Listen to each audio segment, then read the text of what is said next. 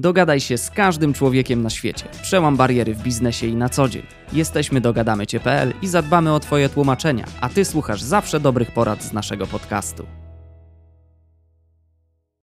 Na pewno kiedyś każdy zastanawiał się, jak to jest możliwe, że film jest z zagranicy, a idealnie wpasowuje się w nasze realia, a nawet posługują się tam zwrotami, które tylko są zrozumiałe dla nas, Polaków. Znakomitym przykładem tego jest film Asterix i Obelix Misja Kleopatra, gdzie zabiegi transkreacyjne ocierają się wręcz o geniusz, nawiązując do naszej historii, humoru, a nawet do nazwy firm, które w Polsce działały. Lub wprost temu przeciwnie, film Dirty Dancing, który przetłumaczono jako wirujący seks. I tak naprawdę do dzisiaj dzisiaj nie wiadomo, o co im chodziło. Jak zatem tłumaczyć, żeby dochować sztuki przekładu i jednocześnie trafić w kulturę i emocje odbiorców na lokalnym rynku? Zapraszam Was na odcinek.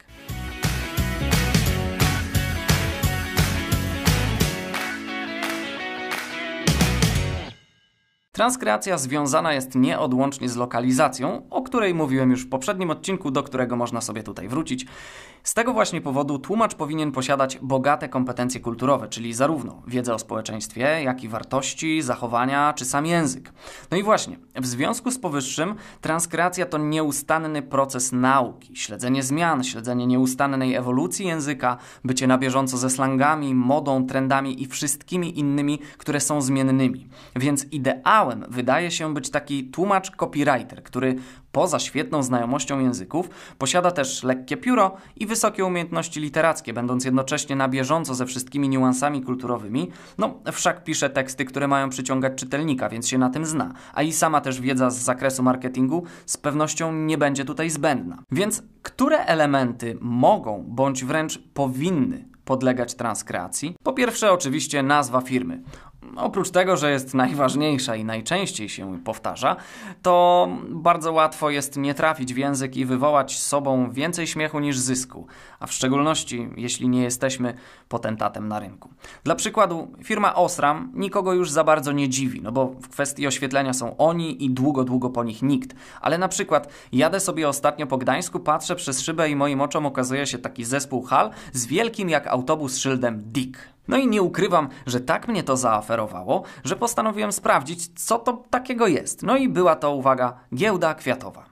W szczególności rozśmieszył mnie tam adres kontaktowy, bo było coś w stylu Dick, małpa Dick, coś tam, coś tam. W ogóle zauważyłem, że my Polacy ma, mamy wyjątkową tendencję do tłumaczenia nazw własnych na nasz język, a w szczególności dotyczy to osób, które dopiero zaczęły naukę, na przykład angielskiego. Wiele razy byłem świadkiem takiej groteskowej sytuacji, gdzie ktoś tam w sklepie, o, ho, ho, ho, czemu to się nazywa always, czyli zawsze. Albo byłem kiedyś w sklepie z elektroniką i przychodzi taki pan, wyjątkowo obdarzony świetnym żartem i mówi do swojego prawdopodobnie syna hehe sharp, czyli że ostry, nie? No. O tłumaczeniu nazw utworów czy nazw albumów muzycznych to już nawet nie będę wspominał. Ale transkreacja to nie tylko słowa, to również kolory. Na przykład kolor biały, dla nas neutralny, czysty, przestrzenny, w Chinach i Japonii jest kolorem żałobnym. Czerwony w Ameryce Łacińskiej to krótko mówiąc śmierć, a kolor zielony, który u nas kojarzy się ze szczęściem, sielanką, odpoczynkiem, w krajach muzułmańskich kojarzony jest głównie z religią, przez co lepiej go tam unikać. Transkreacja to również cyfry i symbole. Przykładowo, u nas pechowa jest trzynastka, a w Japonii czwórka. Podobnie z symbolami, na przykład sowa w krajach europejskich europejskich to ptak mądrości, a w Indiach ptak przynoszący nieszczęście. Więc dochodzimy do etapu, w którym nie tylko nazwa i treść musi podlegać transkreacji, ale również etykieta, oprawa graficzna, zawarte w niej symbole, a może i nawet w skrajnych przypadkach logo. Niestety i stety, czynnik kulturowy stanowi nieodzowny element treści, które będziemy przekazywać, czy to będą reklamy, czy to będą komunikaty, muszą być zawsze dopasowane do mentalności terytorialnej, poziomu edukacji, klimatu czy położenia geograficznego. Istnieje już nawet parę takich kanonów, które się utarły i pod które możemy spróbować się podpiąć, czyli na przykład francuska ekstrawagancja, włoska stylistyka, szwajcarska precyzja itd., tak itd. Tak no i tutaj przechodzimy do niestety, bo wiedza, która jest do tego potrzebna jest tak obszerna, pewna, że jeśli nie produkujemy tak naprawdę dla kraju, z którego pochodzimy, to może nam życia zabraknąć, żeby najpierw się wszystkiego nauczyć, a później jeszcze być z tym wszystkim na bieżąco. A musimy znać naprawdę wszystko, od arcydzieł narodowych aż po popkulturę, od wieszczy po celebrytów, specyfikę młodych i starszych pokoleń. Musimy wiedzieć, co ludzie lubią, czego nie lubią, na co możemy sobie pozwolić, a co będzie przysłowiowym wsadzeniem kija w mrowisko. To zagadnienie jest tak obszerne, że ciężko je nawet opisać słowami. O, a oprócz Asterixa i Obelixa jeszcze idealnym przykładem na genialną transkreację jest Shrek. Oglądał każdy. I zwróćmy uwagę, tamte postaci są idealnie wpisane w naszą kulturę i obyczaj, wręcz do złudzenia, tak jakby ten film powstał tylko na nasz rynek.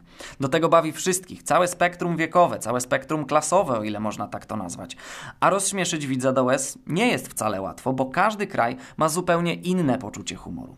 Nas w kinie najbardziej bawią drwiny z ustroju, z Polski, najbardziej śmiejemy się właściwie z własnej krzywdy, na przykład w komediach Barei. Ale mniej śmieszy nas już niewiarygodnie śmieszny dla Anglików Monty Python, któremu oczywiście nie można zarzucić niczego złego, ale od po prostu różnica kulturowa. A co gdy transkreacji brak? No, katastrofa. I to taka, której skutki mogą być opłakane. Na przykład Mitsubishi Pajero, który w niektórych krajach oznaczał onanistę, albo Mazda Laputa, która w Hiszpanii była niczym innym jak kobietą lekkich obyczajów. Albo Nissan Moka, który w Hiszpanii, w Hiszpanii oznaczał gila z nosa. Electrolux w latach 70. promował się takim hasłem Nothing sucks like Electrolux. No i w Anglii było wszystko ok. Gorzej jak wyszli z tym na, na rynek amerykański, gdzie sucks każdy wie. Mówimy tutaj oczywiście o największych koncernach na świecie, które po takim potknięciu po prostu się otrzepują i idą dalej. Ale ciekawy jestem, ile mniejszych firm musiało się zamknąć przez taką czy inną wpadkę wizerunkową. Także jeśli jesteście transkreatorami, to bądźcie świadomi, jak wielka odpowiedzialność jest na waszych barkach, a jeśli szukacie, jesteście tymi, którzy takowych szukają, Płaćcie im bardzo dużo i wybierajcie tylko najlepszych z najlepszych, bo od jakości transkreacji może zależeć nawet 90% sukcesu Waszej kampanii marketingowej. Ode mnie to już dzisiaj na tyle. Dziękuję Wam bardzo za uwagę i zapraszam na kolejne odcinki.